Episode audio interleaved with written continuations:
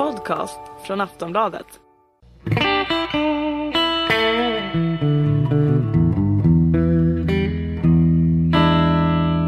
Hej och välkomna till Sportbladets Premier League-podd denna den 3 april, torsdagen. Eh, Mitt namn är Patrik Syk, eh, med mig har jag som vanligt Kalle Karlsson och jag tror det är första gången i poddosfären, Simon Bank. Jag tror att det är precis så det är faktiskt. Det är så va? Ja, det är en, en, en debut och som alla debutanter sitter här och är lite, lite smådarrig. Drömmer om hattrick men uh, utgår från att det blir en sån här Johnny Woodgate-debut på något vis. Ja. Inhopp sista kvarten. Rött kort, självmål, det är där jag kommer landa. Skadad. Men vad, hur, hur känns det då att ta dig an det här mediumet? Du har ju skrivit i många år, du har funnits med i webb-tv sen eh, nästan det formatet uppfanns. Nu gör du också gammel-tv på TV4. Eh, Podd, är det framtiden tror du? Nej, det känns väl oerhört mycket dåtiden, gör inte det? Eh, på, på det allra bästa sättet. Så jag är en, en bakåtsträvare och en nostalgiker så är det ett format som kanske passar ganska bra. Ja, vad härligt. Sen sitter jag och ska ersätta Erik Niva vilket väl känns eh, vidrigt på alla, alla, alla sätt och vis. Han, Eriks stora förtjänst som skribent är att han har all världens kunskap och kan berätta den. Hans stora kvalitet som poddmänniska är väl att han kan göra just de där sakerna men på en enda inandning. Och där är inte jag. Och eh, idag ska vi prata ganska mycket Chelsea faktiskt. Vi, eh, vi har gjort så de här sista eh, avsnitten för säsongen att vi koncentrerar oss lite mer på ett lag som befinner sig på någonstans, någonstans i hetluften, om det så är i toppen eller botten och som eh, har haft eh, en intressant säsong. Och där tycker jag väl verkligen att vi hittar Chelsea FC just nu med en eh, mer och mer frustrerad José Mourinho får man väl ändå säga. Han svingar vilt mot sina anfallare, tar sina försvarare i, i försvar nästan var de än ställer till med eh, på vad vi nu får väl kalla Mourinho-vis. Han är sig själv helt enkelt. Och ju mer, ju mer snaran dras åt desto mer Mourinho blir han. Så där är det ju. Uh, nu var han tillbaka till, till platsen för brottet kan man väl säga. Det var ju i Frankrike, en fransk, en fransk kontext och en fransk kanal som det kom ut det där eh, beryktade om att han sa att de inte, I have no strikers. Eh, och nu tog han ju det på orden själv och ställde upp utan, utan strikers också. Och, och misstroende förklarade ju eh, Torres fullt ut och skickade in Schürrle med halvdant resultat får jag säga. Jag tror inte ens att man såg till Schürrle under matchen. Nej. Vad ska han göra då? Har han strikers? Han har ju uppenbarligen Eto'o, Torres, Dembaba. Men eh, han är ju inte nöjd med dem. Ska han vara det? Han har ju inte strikers som eh, en klubb av Chelseas dignitet förtjänar. Eh, Eto'o har ju i och för sig eh, visat sig vara användbar, framförallt på hemmaplan. Och sen framförallt tack vare att han är en big game player. Han tänder ju till eh, verkligen när det vankas stormatch. Men sett till hela den här säsongen så har vi ju faktiskt kunnat konstatera att Chelsea saknar den där toppstriken. Och gårdagens match var ju eh, alltså, ytterligare ett eh, bevis på det. Som Simon säger, alltså, det var ju verkligen en misstroendeförklaring av Torres. Han sätter alltså upp en mittfältare som falsk nia istället för sin eh, anfallare som är inhandlad för en halv miljard i en så här viktig match. Det är liksom Torres självförtroende måste ju vara kapat jämt med fotknölarna nu och det tyckte man såg på när han kom in igår. Och det var ju någonstans också man kan ju inte säga att han gjorde fel när Torres kom in och var så dålig som han var. Och vi har ju sett det den senaste tiden att han har ju faktiskt inte presterat någonting. Bland annat i helgen mot Crystal Palace. Det är det svåra med Torres lite att ironiskt nog så befinner han sig i en situation både mentalt och fysiskt formmässigt. Han behöver spela vecka ut vecka in för att få det där. Samtidigt som Chelsea och Mourinho befinner sig i en period där de har inte råd att ha det perspektivet. De måste liksom ha spelare som, som i Paris och eh, söndag och lördag ut och lördag in eh, gör de där viktiga, viktiga målen. Och Torres just nu är inte den spelaren och de har inte tid att ge honom den, den tiden heller. Men vad säger ni om den här retoriken? Jag menar, vi pratar om att Torres är en självförtroendespelare. Om något och har en tendens att bli ganska ängslig och börja tvivla på sig själv. Om man då har en intention att överhuvudtaget spela honom, om det så bara är 10 minuter på slutet. Vad, vad, säger det då om, om det tillvägagångssättet av José Mourinho att, att kritisera honom? För att det är inte första gången han säger att det, det är inte, det är inte våra, vårt mittfält eller försvar det är fel på, det är våra anfallare. Det sa han ju efter förlusten i helgen också. Eh, att nej, vi, vi, vi, har inga anfallare, det duger inte. Jag tror också att, att han lite tvingades ut till den hållningen just efter, efter det här. Som ju för ovanlighetens skull och eh, vad gäller Mourinho var ett misstag. Alltså det som han gjorde i Frankrike när det, han bandades, när han inte trodde att han bandades och pratade om att eh, han inte har några, några anfallare. Och när väl det har kommit ut då, då, är han, då är han ute på skolgården och måste förklara sig och då, då kan inte han överge den linjen för att då, då förlorar han all form av trovärdighet.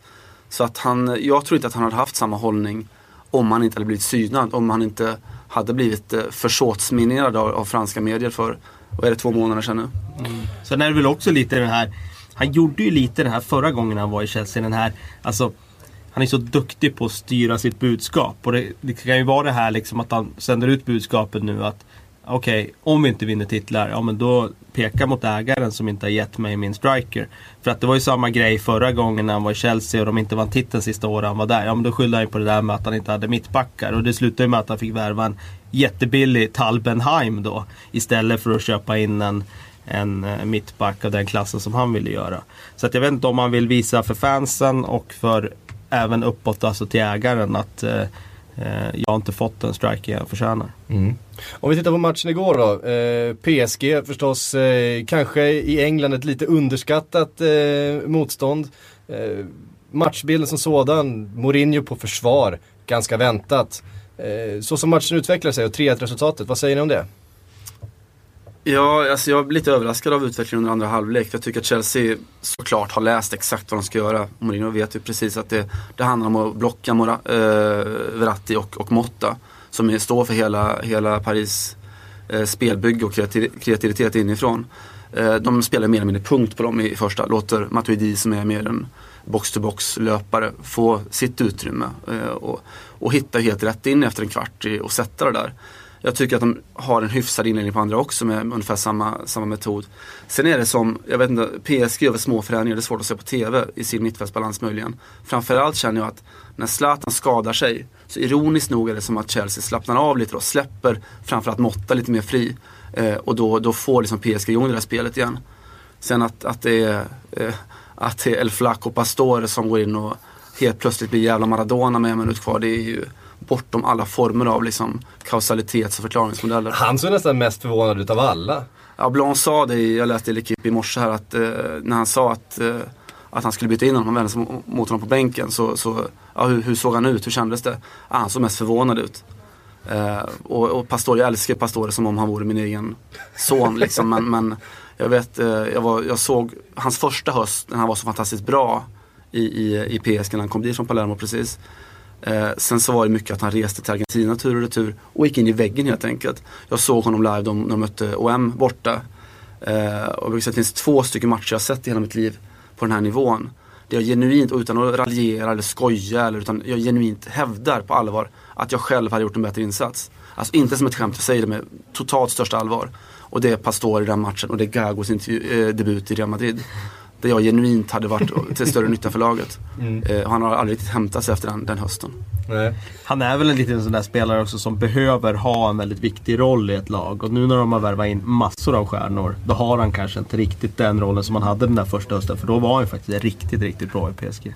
Ja. Mjukt psyke, jättefin fin kille. Eh, vet, Johanna Frändén som bevakar PSG vecka ut och vecka in berättar alltid att han kom, det finns liksom en, sån där, en, en rutin för när, när han har spelat det är att han kommer ut efter matchen, ber om ursäkt för dålig han har varit.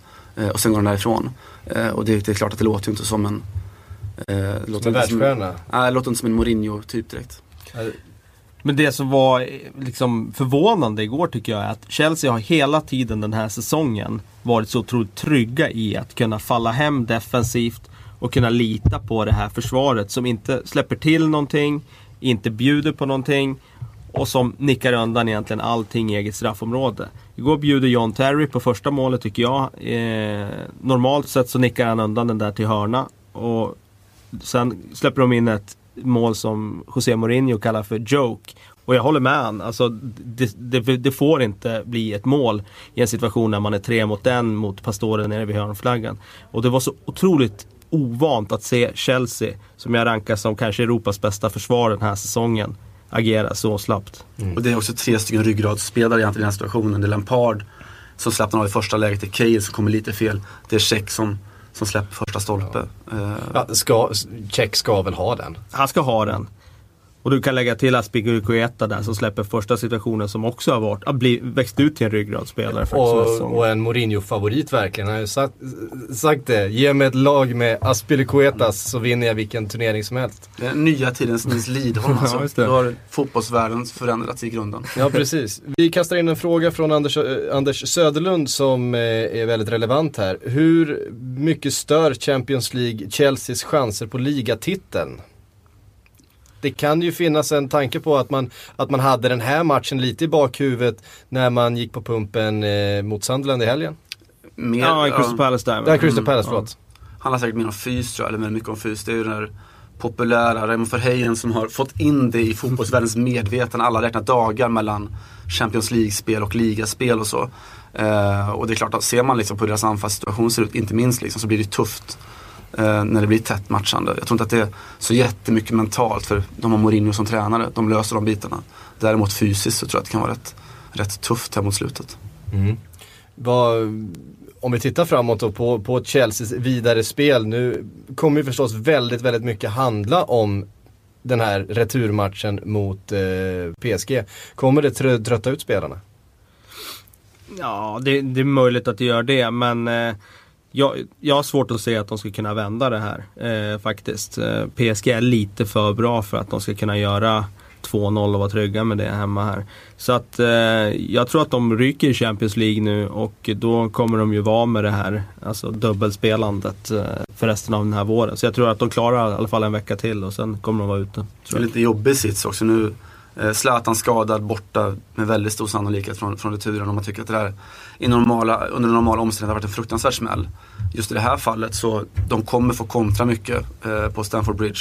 Och att kontra med Lavetzi, Cavani och Lucas Moura. Man kan ha det sämre, sämre förspänt än så. Det är en ganska bra kontringsuppställning. Mm. Vi tittar lite på, på Chelseas säsong då. Det började ju lite svajigt, inte oväntat. Ny manager, ny regim. Eh, hämtades ju under vintern, såg otroligt starka ut eh, över de här, det här tuffa spelschemat över jul och nyår. Hämtade in en eh, Matic som har varit väldigt bra, hämtade in en Salah som inte har fått sådär jättemycket speltid. Hur rankar ni det här? Vi har haft ganska många lag med nya tränare och nya förutsättningar inför den här säsongen. Hur har Mourinho levt upp till förväntningarna? Nej men jag tycker att eh, det har varit en eh, säsong som har gått helt i linje med Mourinhos plan. Som han förmodligen har haft liksom i sitt huvud om hur saker och ting ska utveckla sig. Han kom till klubben eh, tillbaka och den här gången fanns det krav eh, outtalat på att de skulle spela mer attraktiv fotboll. Han testade i början. Eh, det gick inte så bra som, eh, som ändå klubben och fansen kräver. Och då skruvade han tillbaka några varv när vi kom in i december. Han hade släppt in, det var någon ligacupmatch där han släppte in mål. Det var förlusten där, eh, minns jag, var det Stoke borta de förlorade. Eh, släppte in mål. Eh, då, då gick han bara tillbaka till grunderna. Nu ska vi stänga igen butiken. Då åkte han till Emirates, fick det där 0-0 resultatet som eh, som man ville ha. Och efter det så har Chelsea varit den här lagmaskinen och påmint väldigt mycket om det första Mourinho-laget eh, i Chelsea han hade under åren 2004 till 07. Mm. Det laget som bara släppte in 15 mål på en hel säsong. Det är ju ganska mycket att det är aldrig någon slump när Mourinho kliver in i klubben. Han, han är, har varit oerhört skicklig på att gå in i rätt, rätt skede, Real Madrid undantaget, som han inte kunde låta bli att ta att han går in liksom med, när du kan gå in lite som, ska inte säga underdog, men i alla fall med ganska nya förutsättningar. Han trivs ju väldigt bra med det och bygga en form av ny mentalitet. Eh, och har väl lyckats bra med det i Chelsea också. Eh, med också spelare som känns väldigt Mourinho-ish. Matic pratade om som är väldigt, väldigt mycket Mourinho. Eh, Aspilicueta, eh, supermycket Mourinho-spelare. Lojala spelare som inte tar för jättemycket, eh, alltså inte den sortens stjärnstatus riktigt, men som bara är oerhört, oerhört nyttiga. Mm. Och det är ju också sådär ett Det var ju Mourinho-aktigt nu att Juan Mata han fick några matcher i början. Han fick nästan själv visa att äh, men han passade inte in i Mourinhos filosofi. Och då var det liksom accepterat att sälja honom i januari. Eller mer eller mindre accepterat. Det är klart att alla fans jublade inte över att man släpper en publikfavorit. Men fansen hade själva fått se under en höst att ja, men Oscar var ju faktiskt mer nyttig för laget. Och ja, då var det okej okay att släppa den där spelaren som varit lagets bästa spelare i två år. Mata är jätte, hela den affären är så oerhört definierande både för eller för Mourinhos roll och status i Chelsea. För han, en annan tränare hade inte kommit undan med det såklart. Mm. Uh, men också för Mourinhos, liksom den oerhörda integriteten i, i det ledarskapet. Uh, Mata är en fantastiskt bra fotbollsspelare. Men han var inte det som Chelsea behövde. Han la inte det defensiva jobbet. Fattade inte systemet riktigt. Och kan man ju se, det var lätt att tänka att United behöver en kreativ tia. Men med det, det, som deras defensiva uppställning ser ut, som deras defensiva balans ser ut, så kanske inte det är vad United behöver heller. Men sen måste man ju också ge Mourinho, om man tittar på stort på säsongen. Han, han, spelar ju efter klubbens förutsättningar. Om man tittar på Fayez Boas, han kommer till Chelsea, han har sin filosofi, han är fast i den. Han vill spela med en hög backlinje med försvarare som inte klarar av det. Alltså det kommer Mourinho aldrig göra. Han tittar på vad har jag för förutsättningar att spela fotboll. Ja men okej, okay, jag har John Terry och Gary Cahill. De kan inte stå högt det här kommer vara ett lag som, som, som kliver mycket lägre ner i plan. Och vad har hänt? Jo, under Mourinho kommer John Terry alltid vara en av världens bästa försvarare och det har han varit den här säsongen. Mm. Och ni säger, att, ni säger att den här säsongen ändå varit ganska förväntad. Det har varit en Mourinho som har fått saker och ting dit han vill, vilket han ju brukar få. Är det någonting som har överraskat på när det gäller Chelsea och något som har stuckit ut och som eh, inte riktigt kanske blivit som, som Mourinho hade planerat? Eh, for good or for bad? Den här anfallssituationen är väl liksom det man fastnar på. Men sen är det klart ändå förvånad över att Ashley Cole har hamnat så mycket i frysboxen. Nu fyller han visserligen 34 i år och är inte jätteung längre. Men fysiskt sett så är han lätt tränad, han är lätt i kroppen och har säkert ett par år kvar på den absoluta toppnivån. Eh, trots att han är ytterback och förväntas eh, springa hörnflagga till hörnflagga i varje match. Men att han har hamnat utanför laget och att högerbacken Aspilicueta har tagit platsen som vänsterback. Det, det var förvånande. Det hade jag inte tippat inför säsongen. Mm. Eh, vi lämnar Chelsea där tycker jag och sen så tar vi en liten titt på det andra engelska laget som hade ett äventyr i Europa den här eh, veckan, nämligen Manchester United som Fick med sig ett väldigt fint 1-1 resultat eh, hemma mot FC Bayern. Det var inte många som hade förväntat sig, men det kanske man hade kunnat göra ändå. Det här är ju en typ av fotboll som Moyes har ägnat sig åt i ganska många år i Everton. Eh, var noggrann defensivt, se till att inte ge några ytor och låta eh, det andra laget vara bollförande. Det blir ju ironiskt och paradoxalt nog ganska tacksamt eh, just när du är så oerhört underlägsen med bollinnehav och så för att du får ganska mycket av organisationen gratis. Har United haft något problem så är det ju, jag ska inte säga en vacklande självbild, men, men lite åt det hållet att de ska ju spela en offensiv fotboll, de ska kliva upp. Eh, liksom själva Nesson Dorma i, i, i liksom den felande självbilden i United den här säsongen. Det är kanske hemmamatch mot Liverpool när man, mm. man vet du möter liksom ett av Europas skickligaste kontrings omställningslag som dessutom har ett oerhört självförtroende. Det du borde göra i den matchen kanske är att spela som mot, äh, mot Bayern, sjunka hem, eh, minska ytor och ligga på kontring själv. Eftersom det är United, eftersom det är hemmaplan, så klarar de inte av att göra det. Man kliver högt och blir oerhört straffad och borde förlorat med 7-0 i den matchen.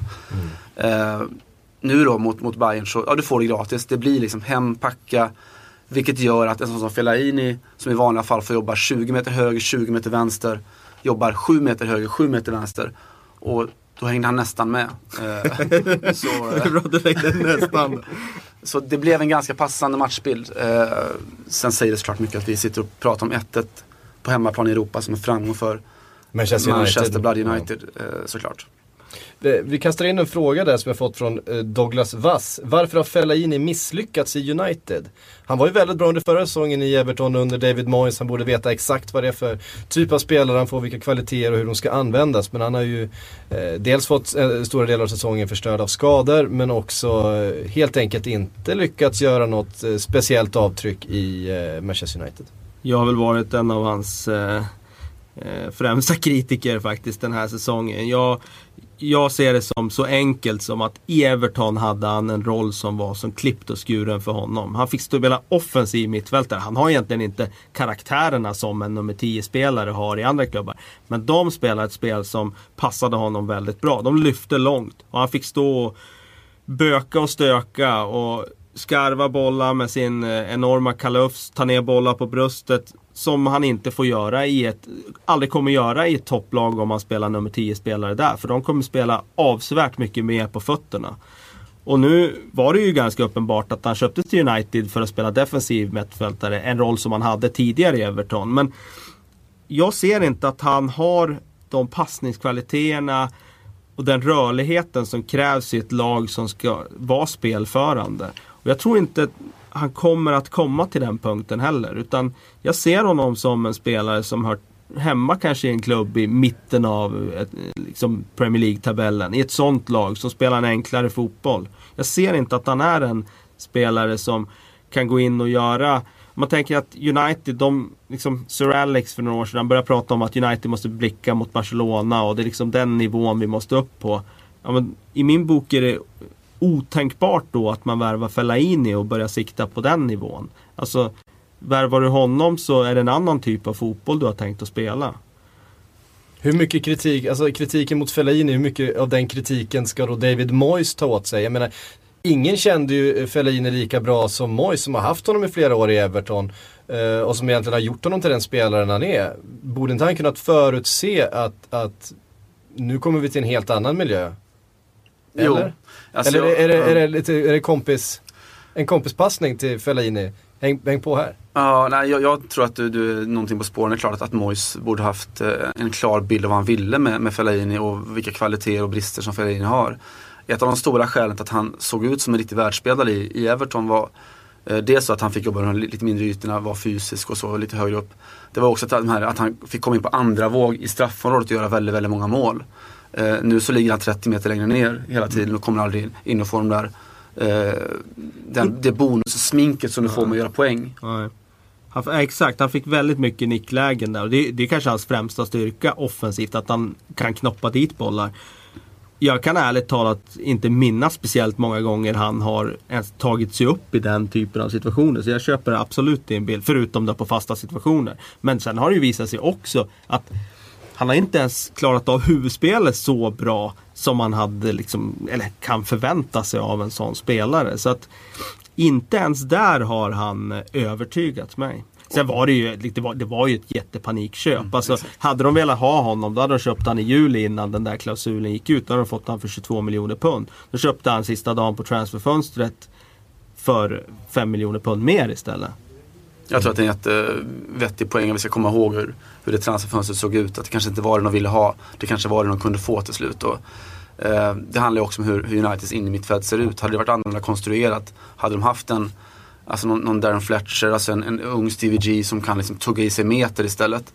Eh, så hade det kanske funkat att ha, eh, att ha en Fellaini där. Nu kanske det är Carrick istället som inte heller med all respekt är, är den eh, trippande eh, meterspelaren riktigt.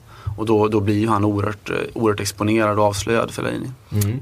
Jag tycker man sett på Carrick att han har blivit sämre den här säsongen. Jag Det var väldigt tydligt förra säsongen hur mycket bättre Carrick blev då när han fick spela bredvid en rörlig spelare. Darren Fletcher, en Tom Cleverley som var avsevärt bättre förra säsongen än han varit, varit nu. Och han hade problem Carrick ibland när han spelade då med Paul Scholes faktiskt. Som inte med årens eh, ja, intåg var lika rörlig längre. Så att eh, fair point alltså. Rörlig spelare är ett, liksom ett, eh, en grundförutsättning för att Carrick ska fungera också. Och där vi, om man kan återkoppla till diskussionen kring Mata så det är lite det jag är inne på också då, att de är så pass ihåliga, så pass relativt tröga eh, på, på defensivt inne mitt. Så då finns det kanske inte utrymme för att ha en Mata som tia dessutom där framför. Utan du måste ha någon som, som täcker ytor, som bryter bollar, som är eh, nästan box-to-box tia i princip. Och det är inte Juan Mata först och främst. Wayne Rooney? Wayne Rooney är ju allt. Eh, jag älskar Wayne Rooney. Eh, som din son? Ja, som, min, som en ännu yngre son än Pastore faktiskt. Nej, du har många söner? En så på varje sönerbanelinje? Jag, ringer alla, jag ringer alla mina söner. Uh, nej, jag, jag, tycker att han är en av världens absolut mest sympatiska fotbollsspelare. Det, han, det jobbet som han lägger ner, den lojaliteten som han visar. Och det, undrar man över det där så kan man fråga Cristiano Ronaldo vad, vad han betyder för honom. Så. Mm. Om vi tittar på returen då mot, eh, mot FC Bayern eh, i München.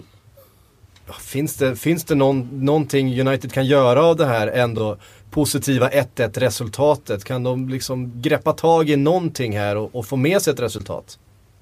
Det kommer ju bli en sån där match. Där det kommer de, bli tufft. Det, det, alltså, det om det är möjligt kommer de stå ännu lägre eh, i det, på Allians. Jag tycker första fem minuterna i, i mötet nu mot Bayern så var det ju ändå lite så här rock'n'roll. De pressade högt och de ville liksom visa läktarna att jo, vi kan visst gå framåt och ville kanske visa sig själva. Sen efter fem minuter då var det liksom någon sekvens, jag såg reprisen igår.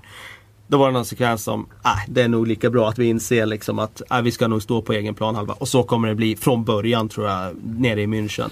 Och det är klart, eh, alltså de stängde igen dem effektivt i den här matchen. Nu saknar de dessutom Bastian Schweinsteiger, de kommer sakna Martinez. Och det är klart, med en Welbeck som faktiskt skapar en del problem med sin snabbhet och någon fast situation så liksom, jag utesluter inte att de gör ett mål där borta. Och kan de hålla liksom ner det till 1-1, ja då har vi förlängning. Man vet aldrig. Det är, där vi, det är där vi hamnar. Det är det de får greppa efter liksom. Ja, ja vi, vi, man tänker så här, men ja, kan de bara hålla nollan så, så kanske, kanske de trots allt, men fan de måste göra mål också. Eh, Kalle är inne på det där med att, att Bayerns försvar eh, kanske inte är hundra. Eh, deras främsta försvarsegenskap är att de inte lämnar ifrån sig bollen, att de tröttar ut motståndet. Eh, så visst, där finns ju hoppet på något vis. Skicka upp boll bara och hoppas att, att Dante eller Boateng eller vad vi har där bak eh, ja, gör någon tabbe eller att Neuer som kan bli lite arrogant gör det liksom. Men jag kan faktiskt inte se det hända. Nu kommer man Sukic in från start också antar jag. Eh, och jag tycker att Bayern är ännu vassare med, med honom där framme än Müller. Mm. Vi var inne på det lite grann här om hur Europaspel då tröttar ut spelarna lite grann och det, vi har en tendens att gå ut över ligaspelet. Eh, nu har väl Manchester United inte sådär jättemycket att spela för. Det är ganska långt upp till den där fjärde, fjärde platsen som man hoppades på. Eh, nu möter man Newcastle borta till helgen.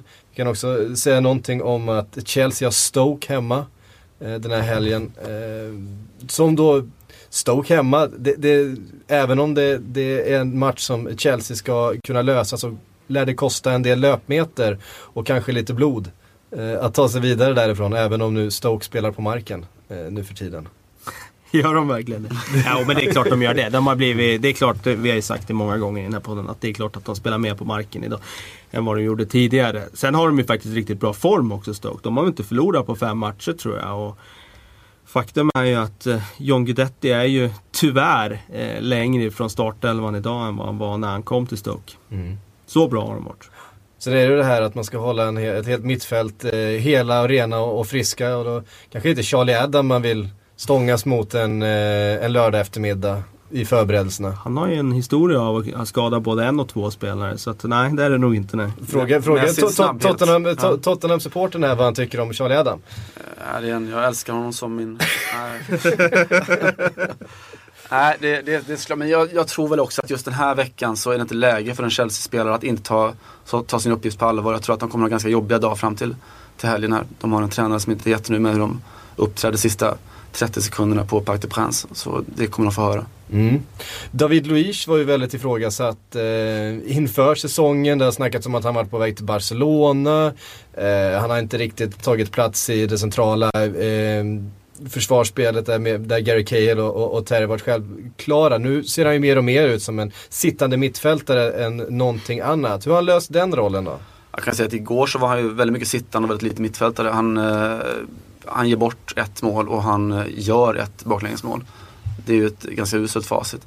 Han, han är ju skicklig när han får spela, när han får spela rätt, bara forsa på och sådär. Blir det lite mer taktiskt tänk så, så då, då kan han ju få lite problem. Han är ju en, den generiske, frejdige spelaren såklart. Mm. Även om han är mindre naiv idag än han var för tre år sedan så, så har han fortfarande de, de bristerna. Nej, Gary Linekers eh, klassiska, jag tror det var Gary Lineker, klassiska kritik mot honom att han ser ut som en spelare som är från ett tv-spel som är Gary Neville var det. Det var Gary Neville ja. kanske som sa det. Mm. Eh, är den fortfarande relevant den, den, eh, kritiken att han, han är så taktiskt eh, fel på det ibland att det, det, ser ut som det är någon annan som styr honom. Ja, men det blir ju mer tydligt när han spelar mittback och det var ju då den kritiken fanns. Han är ju inte en sån där mittback som Terry Cahill som står kvar i position och väntar på att, eh, ja, på att, eh, eller liksom zonspelare. Utan han är ju mer en man-man-spelare som fladdrar runt och gärna vill brinna bollen i första läget. Så att när han spelar mittback så är nog den relevant, eller kritiken fortfarande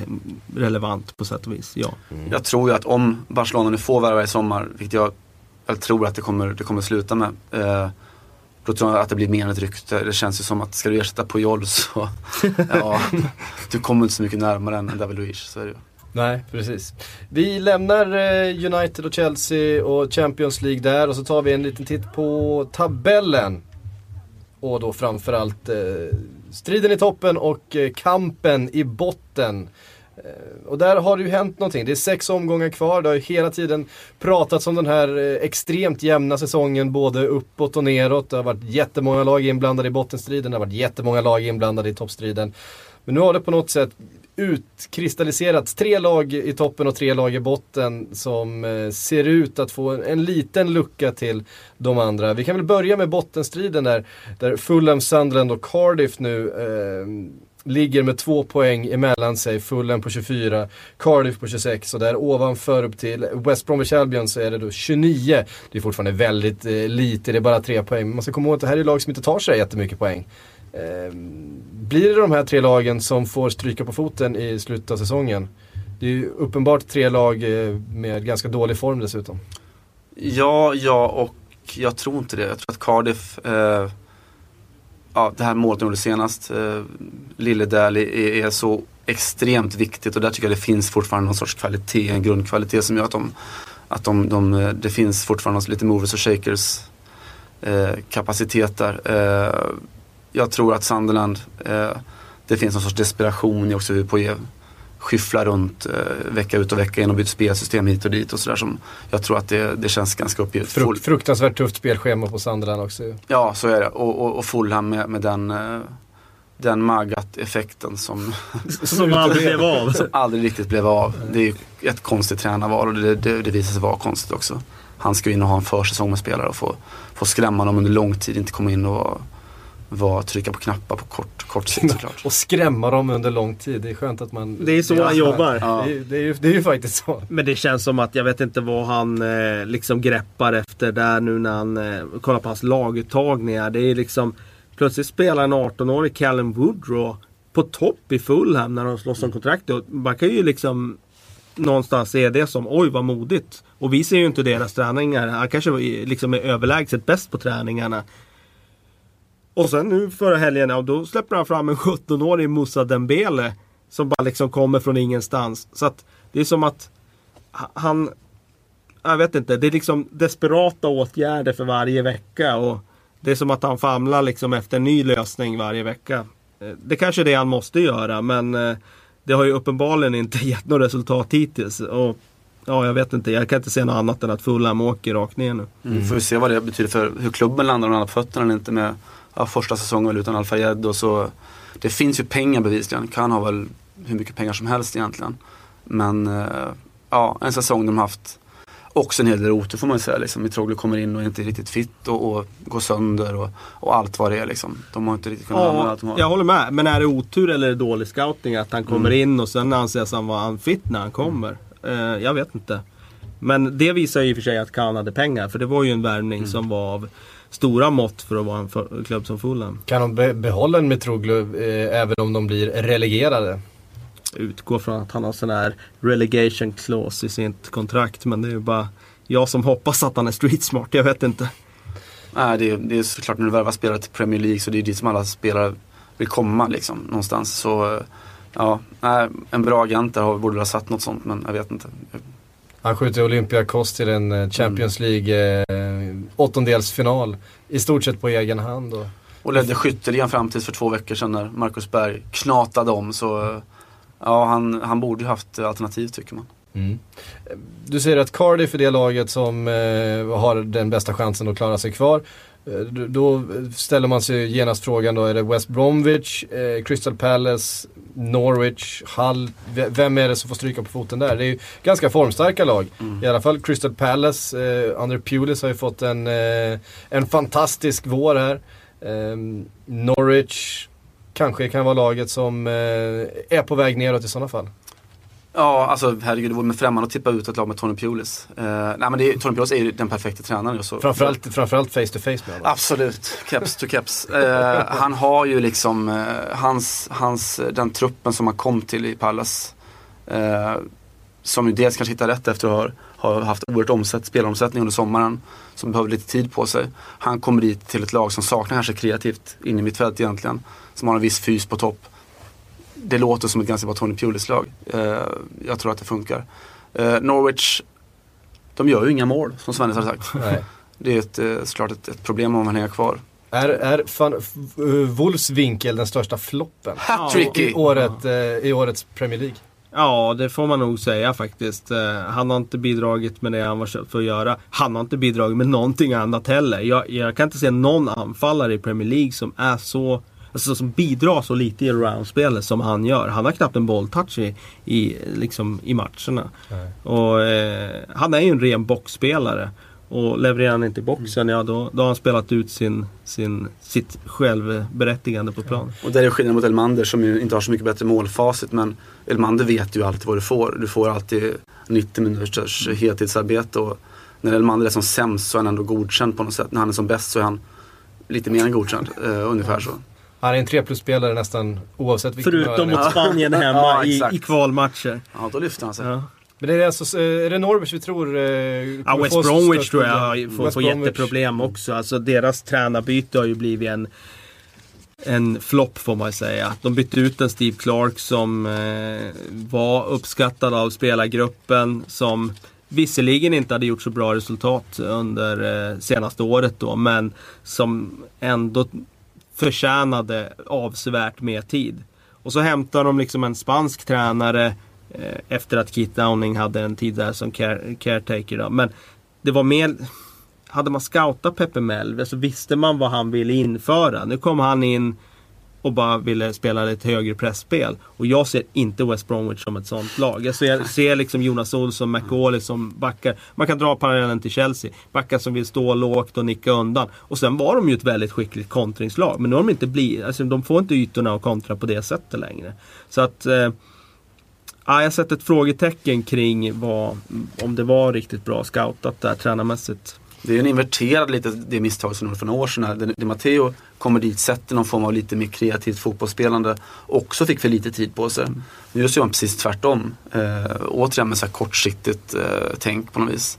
Eh, och som du säger, det är, det är ett väldigt konstig spelare, tränarutnämning sett till vilket spelarmaterial de har. Mm. Och han pratar inte engelska, vilket också är ett problem. Kommer in mitt i säsongen, plötsligt ska det komma en tolk och översätta allt han säger på, på träningsplanen och sådär. Och det jag menar, ja. Uh, det kan bli så att uh, den, uh, den tränarrokaden blir kostsam och ödesdiger. Mm.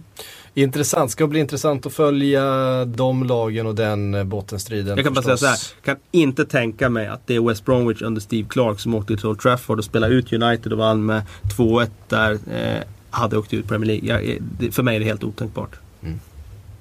Där hör ni West, West Bromwich-supportrar, ligg på er styrelse och eh, ha, ha, ha, lite mer långsiktighet i, i, i, i, sin planering. Oerhört hård för ordförande i Jeremy Peace som faktiskt är populär dessutom och har varit tidigare. Men eh, den här blev väl kanske inte riktigt rätt. Mm.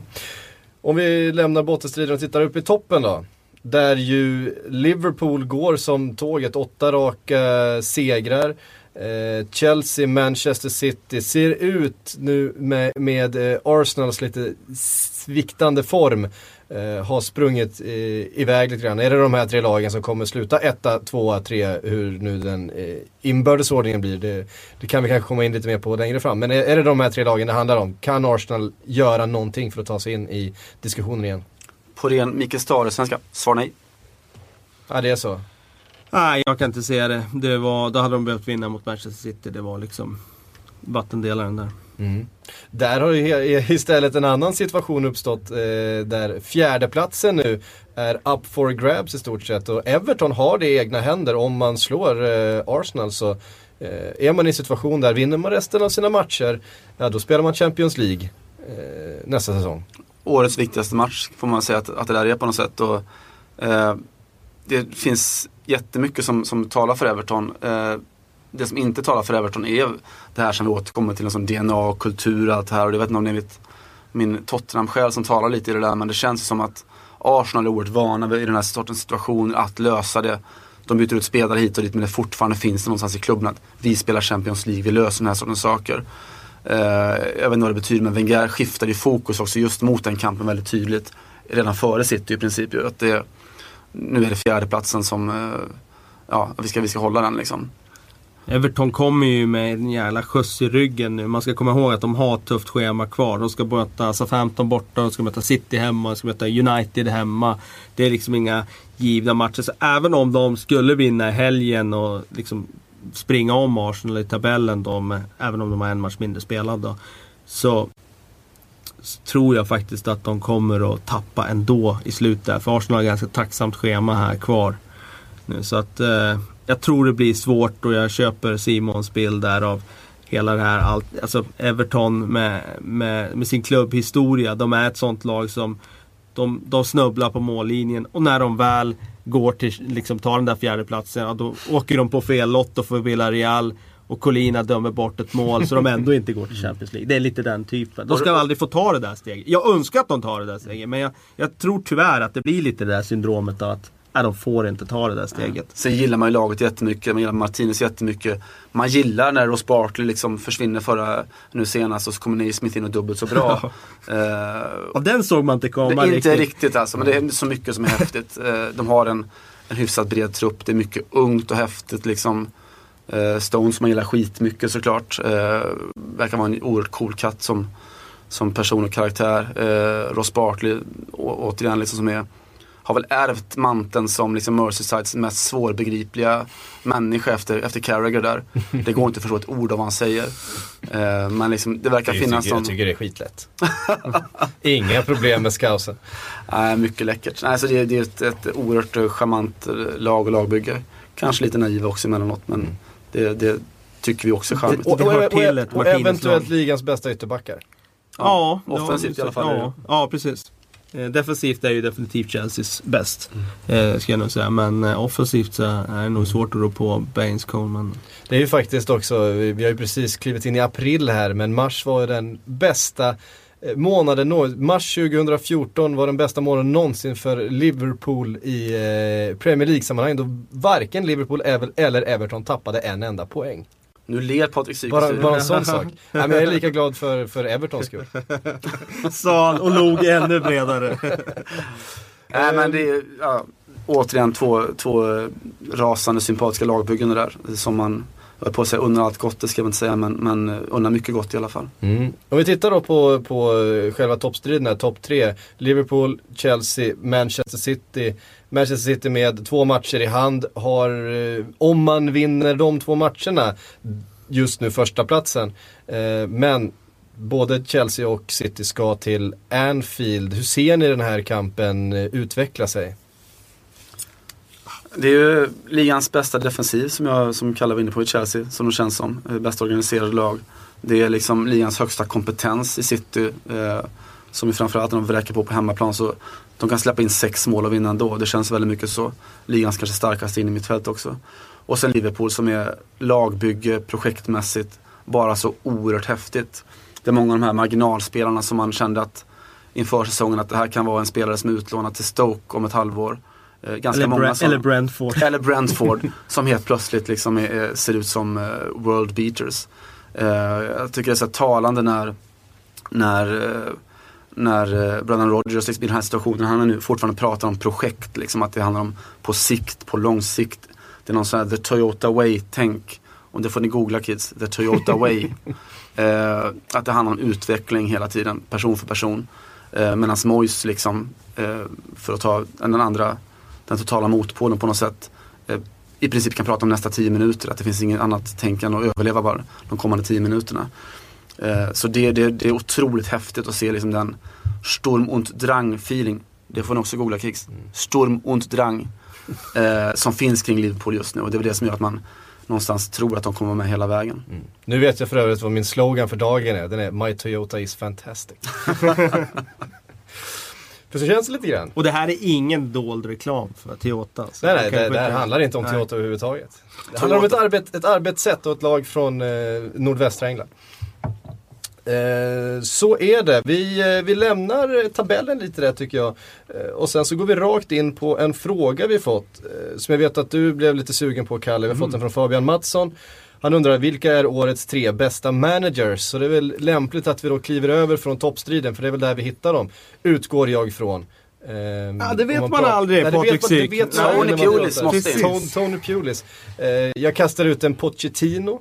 Ehm, ja, skulle kunna vara. Eh, Brendan Rodgers måste ju med in i ekvationen. Det han har gjort med Liverpool i år är ju helt fantastiskt. Eh, när vi inventerade trupperna och lagen inför säsongen så var det nog många med mig som såg Liverpool som kanske det sjätte bästa laget och nu är de uppe och slåss om titeln ända in i, i säsongslutet här. Så att han är definitivt på en topp tre.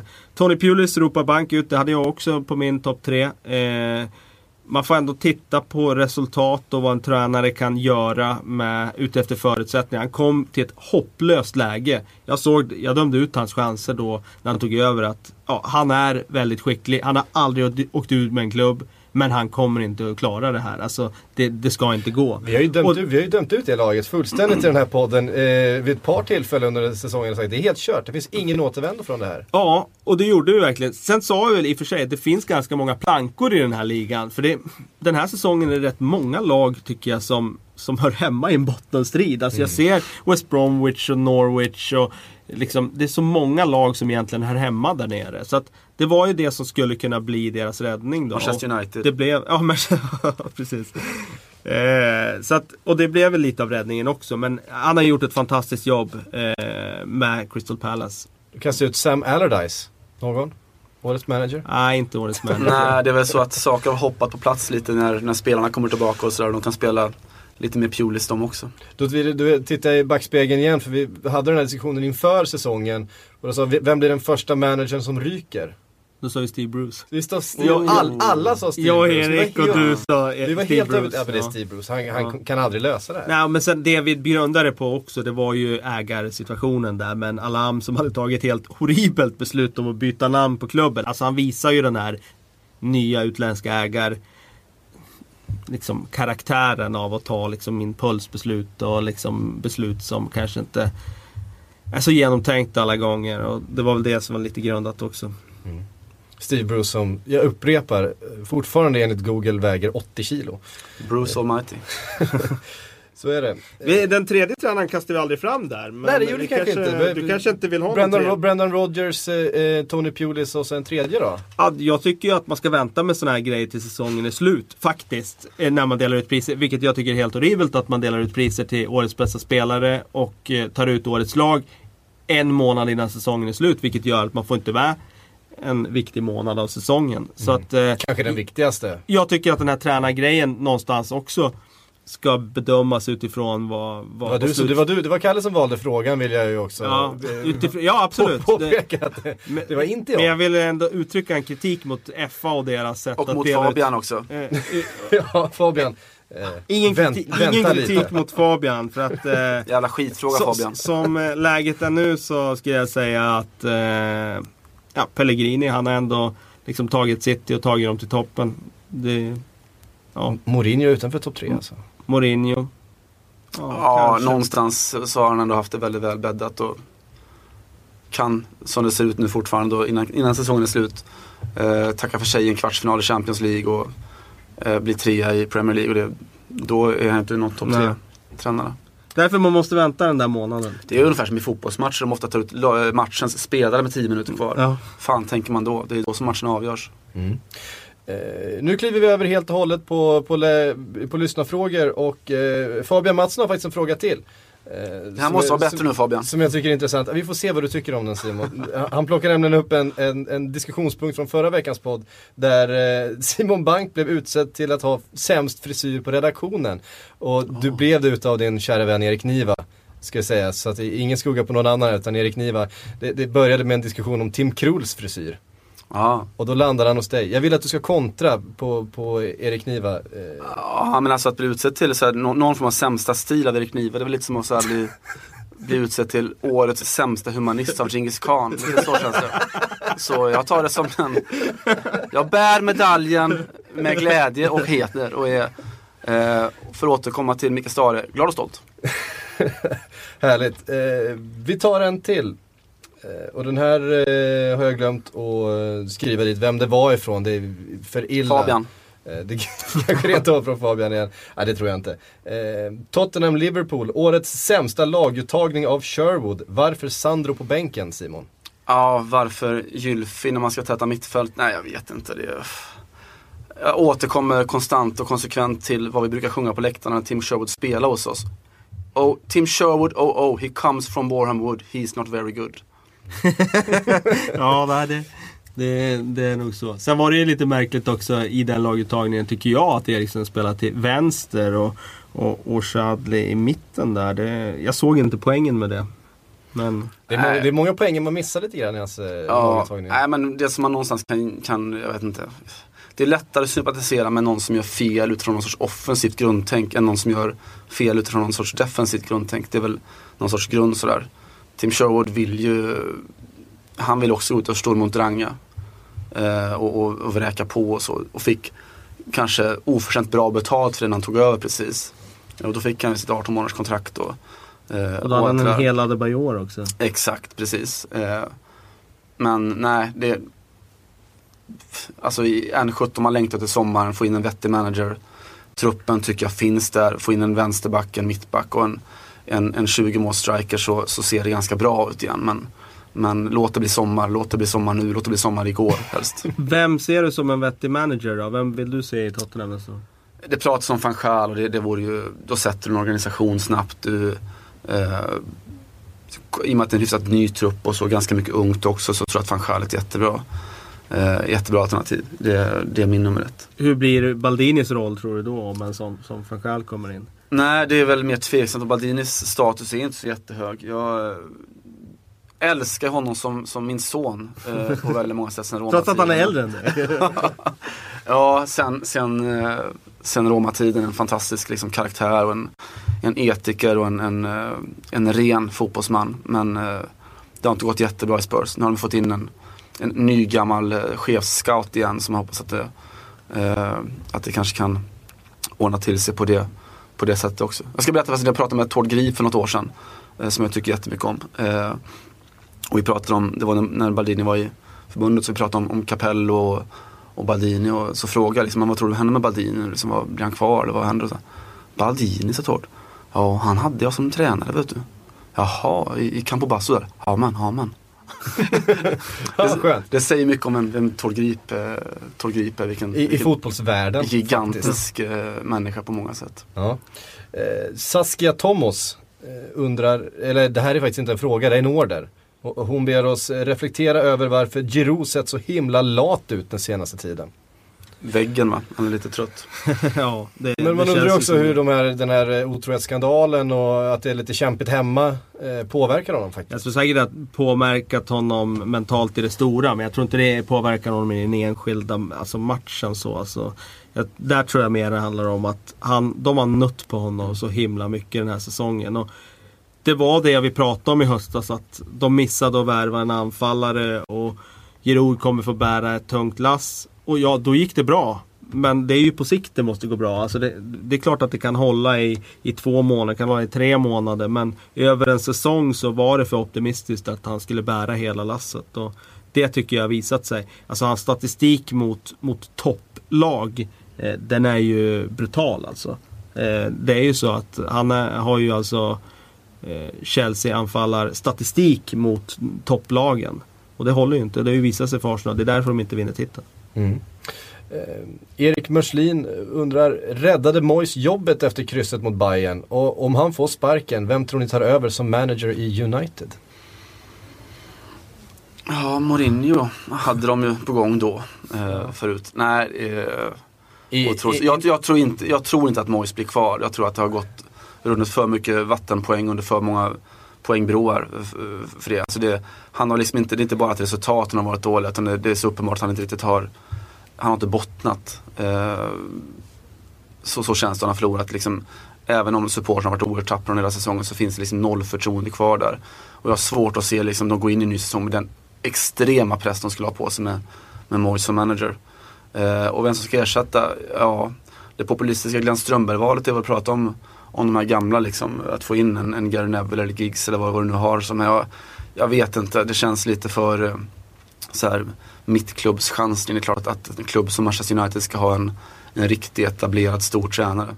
Eh, Och vem det är ska jag låta Kalle Karlsson tala om. Tyvärr finns ju inte riktigt den tränaren på marknaden. För det, alltså, det kände jag redan när Moyes tog över förra året. Eller alltså inför det här Sir Alex-avskedet. Liksom, när man börjar prata om att ja, men vad händer om han försvinner. Att det är så få som kan egentligen kliva in och ta den kostymen. Det var Mourinho, det var Pep Guardiola, det var kanske liksom en Lippi om han har varit lite yngre. Ancelotti för den delen. Ancelotti för den delen. Och så var det väl kanske då en eh, eh, ja, en Hiddink om han har varit yngre. Alltså det är bara de här topp, topp namnen. Men ingen av dem, alltså Hiddink har blivit för gammal, Lippi har blivit för gammal. Alltså Ancelotti hade sitt lag. Alltså Mourinho ville de inte ha för att han bär med sig en, en ryggsäck. Guardiola gick inte att få loss. Och- Kan, kan de ta fram sitt enorma, sin enorma kofot och bända loss en Jürgen Klopp från tronen i Dortmund? Nej, jag tror inte det. Jag tror inte det. För att jag tror att Jürgen Klopp För är lite det är för liksom rädd den- den- om den sitt enda rykte. Att Toppmanagern som inte har en toppklubb idag Ja, egentligen. egentligen, egentligen är det så. Och Jürgen Klopp tror jag är lite för rädd om sitt rykte att kliva in. Han vill komma till en till- ett Arsenal eller till Manchester United i rätt läge där han säger att okej, nu har de trupp för att jag ska kunna ta det här. Och liksom, men det är inga garantier för det när truppen ser ut som den gör idag. Och det, är ett sånt, det kommer vara ett riktigt, riktigt vägskäl för United i sommar. De kommer behöva spendera väldigt mycket pengar och behöva göra det betydligt mycket bättre än vad de gjorde förra sommaren. Och Det- ja. den, liksom kliva in i det läget. Jag tror inte det är så jäkla liksom eh, för en Jürgen Klopp att göra det. Liksom. Han har sitt Dortmund, han har sitt kontrakt som han förlängde här om året.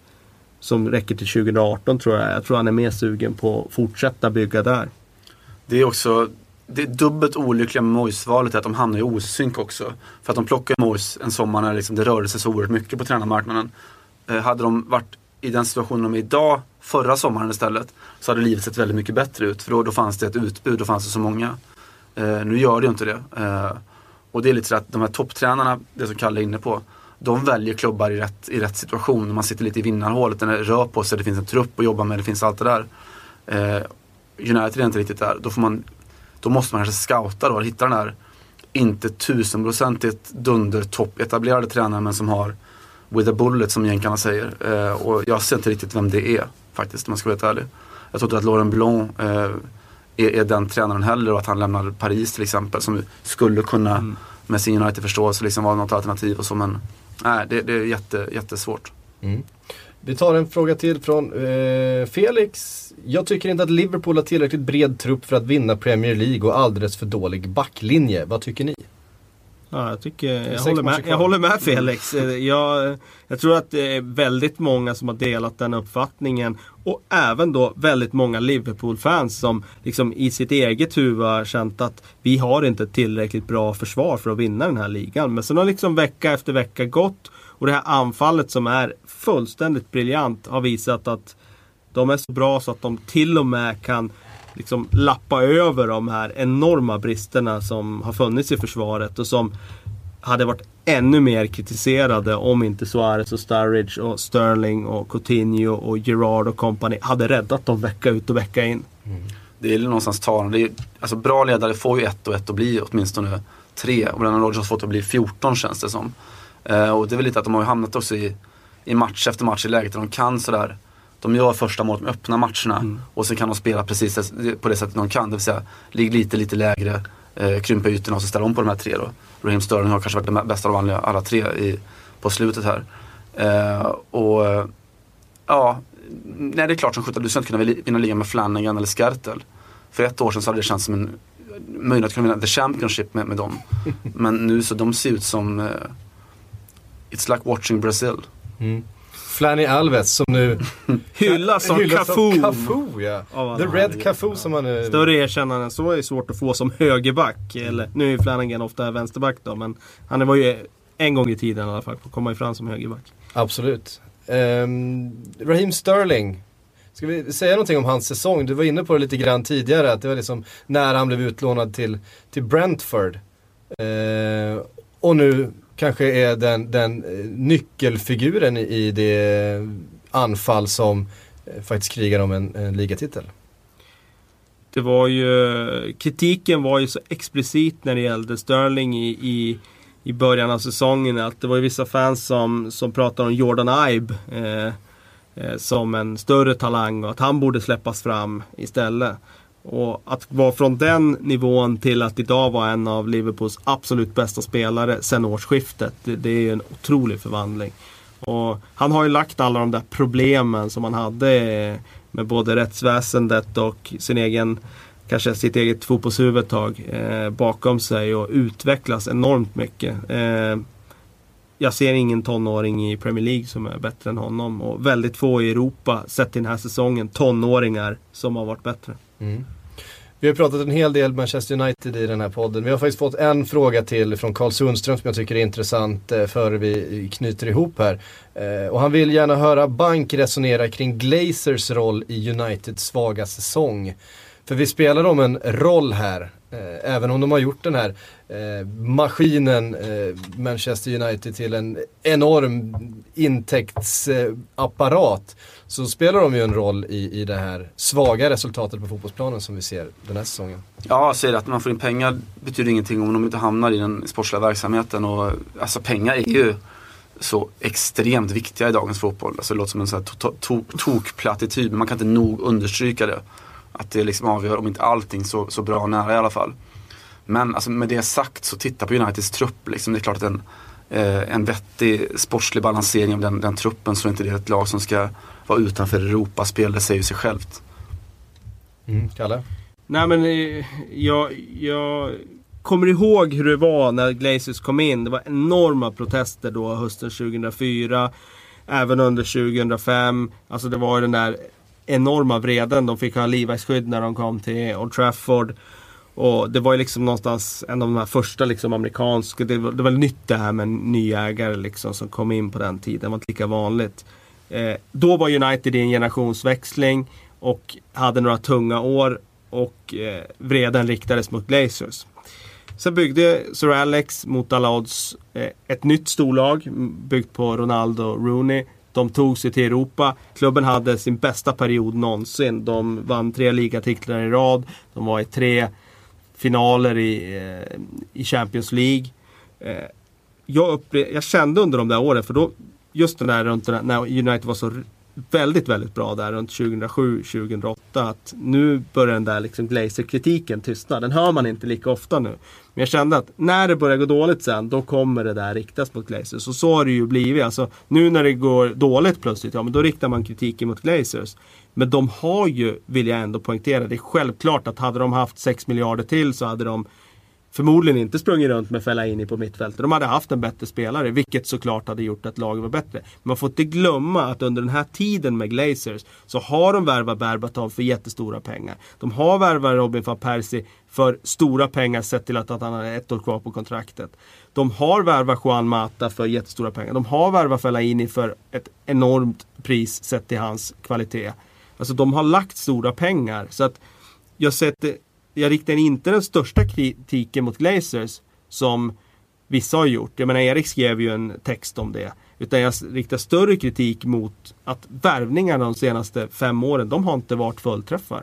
Spelare som Chris Smalling, eh, Phil Jones, Byttner, Obertan, alltså Cleverty från egna led. Men, mm. Alltså eh, Nani, eh, Ashley Young. Alltså de har värvat massa spelare. Berbatov. De har inte blivit så bra som de borde ha blivit. Eh, och som klubben hoppades att de skulle bli. Hade de blivit så bra så att, som man hade kunnat förvänta sig då, då hade United varit i en bättre situation. Då har de fortfarande slagit som titeln idag. Och på tal om tränare som eh, får 1 plus 1 att bli 14 så var ju Sir Alex precis, precis ärketypen för eh, en, en tränare som kunde få en, en medioker spelare att spela ett världsklasspel.